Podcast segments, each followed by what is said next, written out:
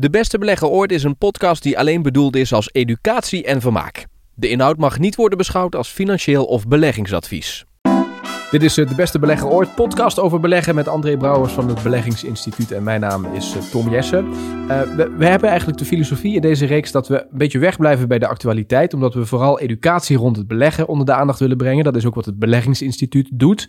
Maar goed, uh, André, soms ontkom je niet aan de actualiteit. want we hebben het al aantal keren genoemd in vorige edities die uh, lage rente. Ja, die is toch wel uh, dominant aanwezig en ja. uh, van invloed op veel zaken. we gaan daar nu iets dieper op in, wel weer met een educatief element. Waar beginnen we? Nou ja, we beginnen in die zin bij de zogenaamde asset mix. En uh, dat is een mooi woord. Asset staat voor bezittingen, hè, mixen. Dus je moet meerdere dingen met elkaar gaan combineren. Precies. Bij en, de professionele beleggers, hè, als je die stukken leest en je hoort ze ook wel eens, dan hebben ze het altijd over hoe is de verdeling in die asset mix of in ja, die asset portefeuille. Klopt. Je zou kunnen zeggen taartje. Hè. Ja. En uh, ja, dan kun je kijken, wat zijn dan de, de verschillende beleggingscategorieën? Nou, aandelen is een hele dominante obligaties, hè, schuldbekentenissen, leningen in feite van overheid of van bedrijven. Um, cash, gewoon contant geld aanhouden. Goud, bij edelmetalen zou een, een, een beleggingscategorie kunnen zijn. Uh, tegenwoordig misschien wel bitcoin of crypto's zou een beleggingscategorie hmm. kunnen zijn. Maar Panden? Een stukje, uh, onroerend goed. Kan een, kan een, veel mensen hebben natuurlijk al een huis, dus je zit al zwaar eigenlijk overwogen in één asset. Je hebt al heel veel geld en heel veel belang bij, bij, bij panden. Dus de vraag is of dat wel zo verstandig is. Maar goed, oké. Uh, en dan heb je, uh, dus die spreiding heb je al. Maar je zou ook kunnen denken aan, nou ja, ik heb zelf een wat, wat recent een mooie oude auto laten opknappen. En dan beleg je een deel van je geld in een oude auto of in wijn. Vind ik ook lekker om te drinken. dus je kunt in allerlei zaken kun je, kun je beleggen, zeg maar. Nou, de meest toegankelijke, meest liquide, makkelijkste te verhandelen, meest toegankelijke zijn eigenlijk aandelen, effecten die je op de beurs kunt kopen. Goed, als je dat doet, dan is het logisch dat je zegt: ik spreid over meerdere aandelen. Hebben we het over gehad. In zo'n ETF bijvoorbeeld kun je dat doen. Maar je kunt natuurlijk ook zeggen: ik moet een mix maken. Hoe bepaal je nou hoeveel procent van je kapitaal je in aandelen moet zetten? Hoeveel procent moet je nou in obligaties zetten? En wat is nou het verschil tussen obligaties en aandelen? Laat ik eerst met dat laatste beginnen. Een obligatie is een schuldbekentenis. De overheid heeft geld nodig, schrijft een lening uit, een staatslening. Jij schrijft in en koopt voor 1000 euro een staatslening van Wopke. Wat krijg je dan? Je krijgt rente. Nou ja, je kreeg rente. Inmiddels is de rente negatief, dus je weet zeker dat je over 10 jaar van de Nederlandse staat jouw lening wordt afgelost. Krijg je je geld terug, je aflossing. En je krijgt 10 jaar lang het goede negatieve rente van, laten we zeggen, 10 keer een half procent negatief. Dat is op dit moment een beetje de situatie. Dus dan zeg je eigenlijk, ik vind het wel zeker, want ja, niks is zo zeker als dat de BV Nederland jou dat geld teruggeeft over 10 jaar, dus het is een zekere belegging. Maar je hebt op dit moment geen rendement. Sterker nog, je hebt zelfs een licht negatief ja, rendement. Dus waarom zou je dat doen? Precies, waarom zou je dat doen? Dat doe je eigenlijk alleen maar omdat je bang bent dat je ergens anders toch meer risico moet nemen. Dus dan, dat is waarom mensen nog steeds in obligaties beleggen. Tegen negatieve rente. Eigenlijk is het idiotie, zou je kunnen zeggen. Dat dat nog gebeurt. Je zou toch zeggen van de wegwezen daar? Dat zou je zeggen, maar dat ligt wat ingewikkelder. We hebben in Nederland te maken met regelgeving. En we hebben te maken met zorgplicht. Als jij naar een vermogensbeheerder gaat of naar een bank, dan moet die bank zich eigenlijk verplaatsen in jouw situatie. Als jij dan, uh, laten we zeggen, 65 uh, jaar en ouder bent en jij komt met je vermogen en zegt: Dit is mijn pensioen, uh, daar wil ik niet te veel risico mee lopen, dan word je al automatisch gekaderd in defensieve be beleggingscategorie. Defensief betekent heel prudent, veilig, met, met, met, met, met weinig onzekerheid beleggen. Nou ja, wat is zeker? Die obligatie. Ja. Want dat is bijna zeker dat jij je geld terugkrijgt. Dus dan gaat een gedeelte van je geld daarin en dan voldoet iedereen aan de norm. Hey, zorgplicht, wij voldoen aan de norm, meneer, want we hebben 40% van uw geld hebben we in obligaties geparkeerd. Maar over die negatieve rente hoor je ze niet. Nee, precies. Want ja, dat zal hun uh, een rotzorg zijn. Zij voldoen aan het regeltje wat de overheid graag wil. Overigens is nog een andere situatie. De overheid wil natuurlijk ook graag dat er institutionele beleggers zijn die ook die obligaties kopen, ook al hebben ze een negatief rendement. Waarom willen ze dat? Nou, iemand moet toch die obligaties, die, die schulden van de overheid financieren, toch? Nou, dus is ook een beetje repressief beleid. Maar goed, laat ik me daar maar niet over uitleggen. Dat is een beetje wat meer politiek getint. Terug naar die, 5, naar die 40% die jij dan in je mandje met obligaties hebt. Dus in jouw asset mix zit al 40% obligaties. Waarom? Niet vanwege het rendement, maar vanwege de zekerheid. Nou is het zo dat je rendement kunt maken op obligaties, in ieder geval tijdelijk. Want als de rente daalt, is dat voor bestaande obligaties gunstig. Waarom? Stel, jij krijgt nou een deal van 1% rente per jaar. 10 jaar lang krijg je 1% rente van mij. Maar plotseling daalt morgen de rente naar nul. Dan heb jij nog een deal met 10%, 1%, dus met 10% rendement op 10jaarsbasis in handen. Maar als je dat morgen moet herbeleggen, heb je een deal van 10 keer 0%. Dus jouw, jouw deal is eigenlijk 10% meer waard geworden van een op het andere moment. Snap je dat? Wat je ook bij een spaardeposito eigenlijk hebt, als Ja. je het vastzet. Ja, dus, maar dan stijgt jouw deal eigenlijk met 10% de waarde. Dus Ja. je hebt koerswinst. Precies. En de afgelopen jaren snap je hopelijk dat heel veel beleggers heel veel koerswinst hebben gerealiseerd.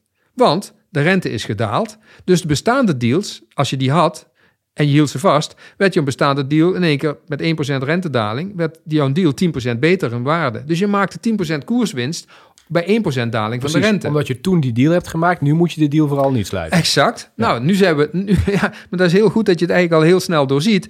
Dan kun je dus afvragen: de afgelopen jaren was dat dus prachtig. Dus in die mix had jij een deel van obligaties. En die hebben het geweldig gedaan. Want je kreeg nog 2% rente. Maar plotseling ging de rente van 2 naar 1. Maar had je wel 10% koerswinst. Dus je had en 2% eh, eh, rente. En je had 10% koerswinst. Ja, jongens, geweldige belegging in dat mandje.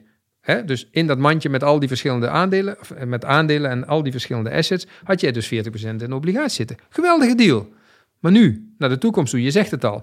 Ja, moet ik nu nog verwachten dat we van min een half naar min anderhalf gaan? Dan moet ik die obligaties nog hebben, want dan heb ik weer 10% winst. Maar als we nu van min een half naar plus een half gaan, Tom, wat gebeurt er dan met die obligatie? Ja, dan ben je de Sjaak. Dan verlies je 10%. En als je van een half procent rente naar anderhalf procent rente, verlies je nog een keer 10%. In de jaren 70 van de vorige eeuw, toen de rente in één keer ging stijgen van, van niks naar, naar 12, 13, 14 procent hebben we gehad. Ja. Hè, ook in Amerika zelfs tot 15 procent aan toe. Gingen obligaties 60, 70, 80 procent in koers onderuit. Dus al die mensen die nu veilig die obligaties in hun asset mixje hebben zitten, vanwege die regelgeving, zorgplicht en bla bla bla, hebben dus potentieel een, een bommetje zeg maar geplaatst met heel weinig potentie, maar met heel veel risico. Ja. Terwijl het juist bedoeld is om het risico te verlagen. Precies. Vandaar Dat dus is ook het die, eerste probleem. vandaar dus ook die angsten als, als er al maar wordt gerept alleen over eh Natuurlijk. rentestijgingen. Want iedereen die ziet die bui natuurlijk hangen, want dan is iedereen de. Ja. Maar, maar ja, er zijn zoveel schulden gecreëerd en die bezittingen zitten ergens. Ja, over het algemeen wordt nu een spelletje gespeeld tussen centrale bank en ministerie van Financiën. Dus het ministerie van Financiën heeft geld nodig om de begroting dicht te lopen, geeft een lening uit en de Fed of de ECB, de centrale banken, die kopen dat spul dan op. Want je, iemand moet ze toch kopen. Maar goed, ja, er is we zoveel, een keer een zoveel te vertellen. Dat, doe, dat, doe, dat doen we dan wel een keer. Dat doe ik altijd in mijn updates in het weekend. Vertel ik daar wel eens over. Maar in ieder geval, dit is wat het nu is. Maar feit is, terug naar die asset mix. Die obligaties is dus eigenlijk een risicovolle belegging geworden. Ja. Daar waar het de afgelopen tien jaar lang eigenlijk fantastisch heeft gerendeerd, wordt het eigenlijk steeds risicovoller. Dat is 40 één. procent, hè, in ons voorbeeld hadden we. Ja, dan, dat, dat is vaak de, de traditionele verdeling. Bij Ja. neutraal profiel, defensief profiel. Nou, zit vaak- veel. Ja, dat is best veel. Ja.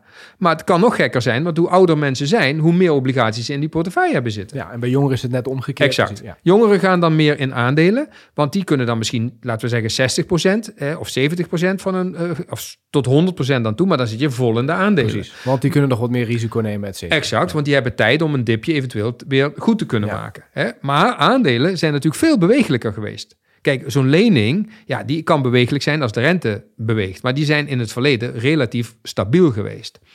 Aandelen zijn, hebben natuurlijk wel eens flinke, eh, flinke koersbewegingen laten zien. Hè? 2000, 2003 gingen aandelen 50, 60 procent onderuit. Mhm. Kredietcrisis 2008, 2009 ging het 55 procent, gingen internationale aandelen onderuit. Ja. Dus dat zijn flinke fluctuaties. Nu, als jij op leeftijd bent en je hebt dus eh, eh, 60, 40 in je portefeuille en je hebt nog maar 10, 20 jaar te gaan, hè, als belegger dan, hopelijk langer als, als, als, als eh, in je leven, maar 10, 20 jaar te gaan is gemiddeld de horizon, zeg ik dan.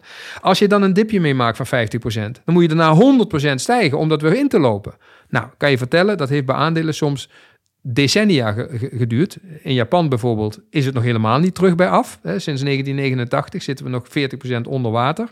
In eh, recent hebben we eh, de, de top uit 2000 hebben we recent gebroken. Dus we hebben 15 tot 20 jaar verder in de tijd voordat je dan weer eens terug bent.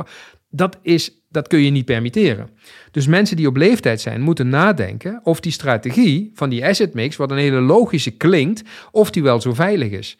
Mijn antwoord is, er zit veel meer risico in dan de meeste mensen zich beseffen. Je ziet dat nu niet, omdat dat risico nu niet boven het water komt. Maar dat zit er wel. Ja. En als het gebeurt, hebben die mensen een probleem. Mhm. Dus heel veel beleggers die hebben de afgelopen jaren zeggen: Ja, ik ben tevreden over mijn vermogensbeheerder, ik ben tevreden over mijn bank, ik verdien geld, dus het gaat hartstikke goed. Ja, maar is dat nou de slimme strategie van de bank?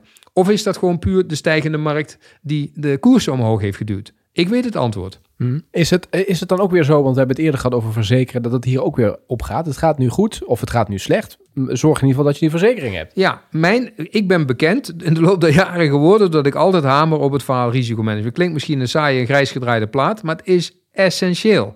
Dus als jij een huis hebt, koop je een brandverzekering. Als jij vermogen op de beurs hebt, koop je een, ja, ik zou zeggen een beursverzekering, koop je een verzekering tegen een daling. Dat een optie is bijvoorbeeld. Ja, die zijn er. Ik kan je uitleggen hoe dat werkt.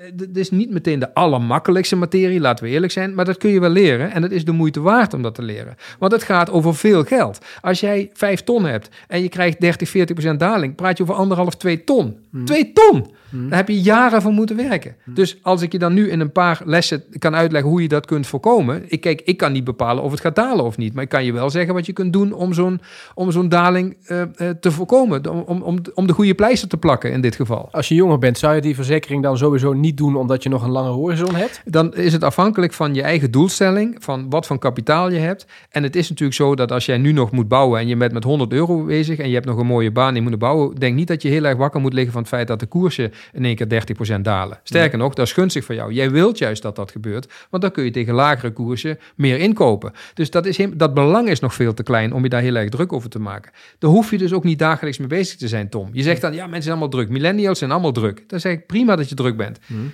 Twee dagen, dan leg ik je uit hoe je moet beleggen.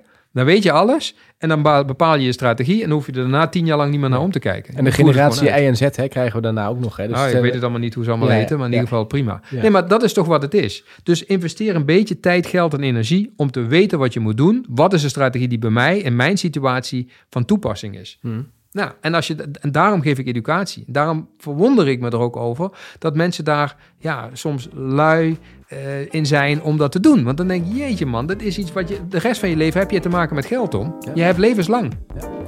Kijk in de show notes, daar hebben we de informatie gezet als je meer wil weten over dit onderwerp. Ik kan me voorstellen dat je hier over wilt doorpraten. Uh, daar kun je André en zijn team voor benaderen. Dit was er weer voor deze keer. Dankjewel voor uh, het luisteren en tot de volgende keer.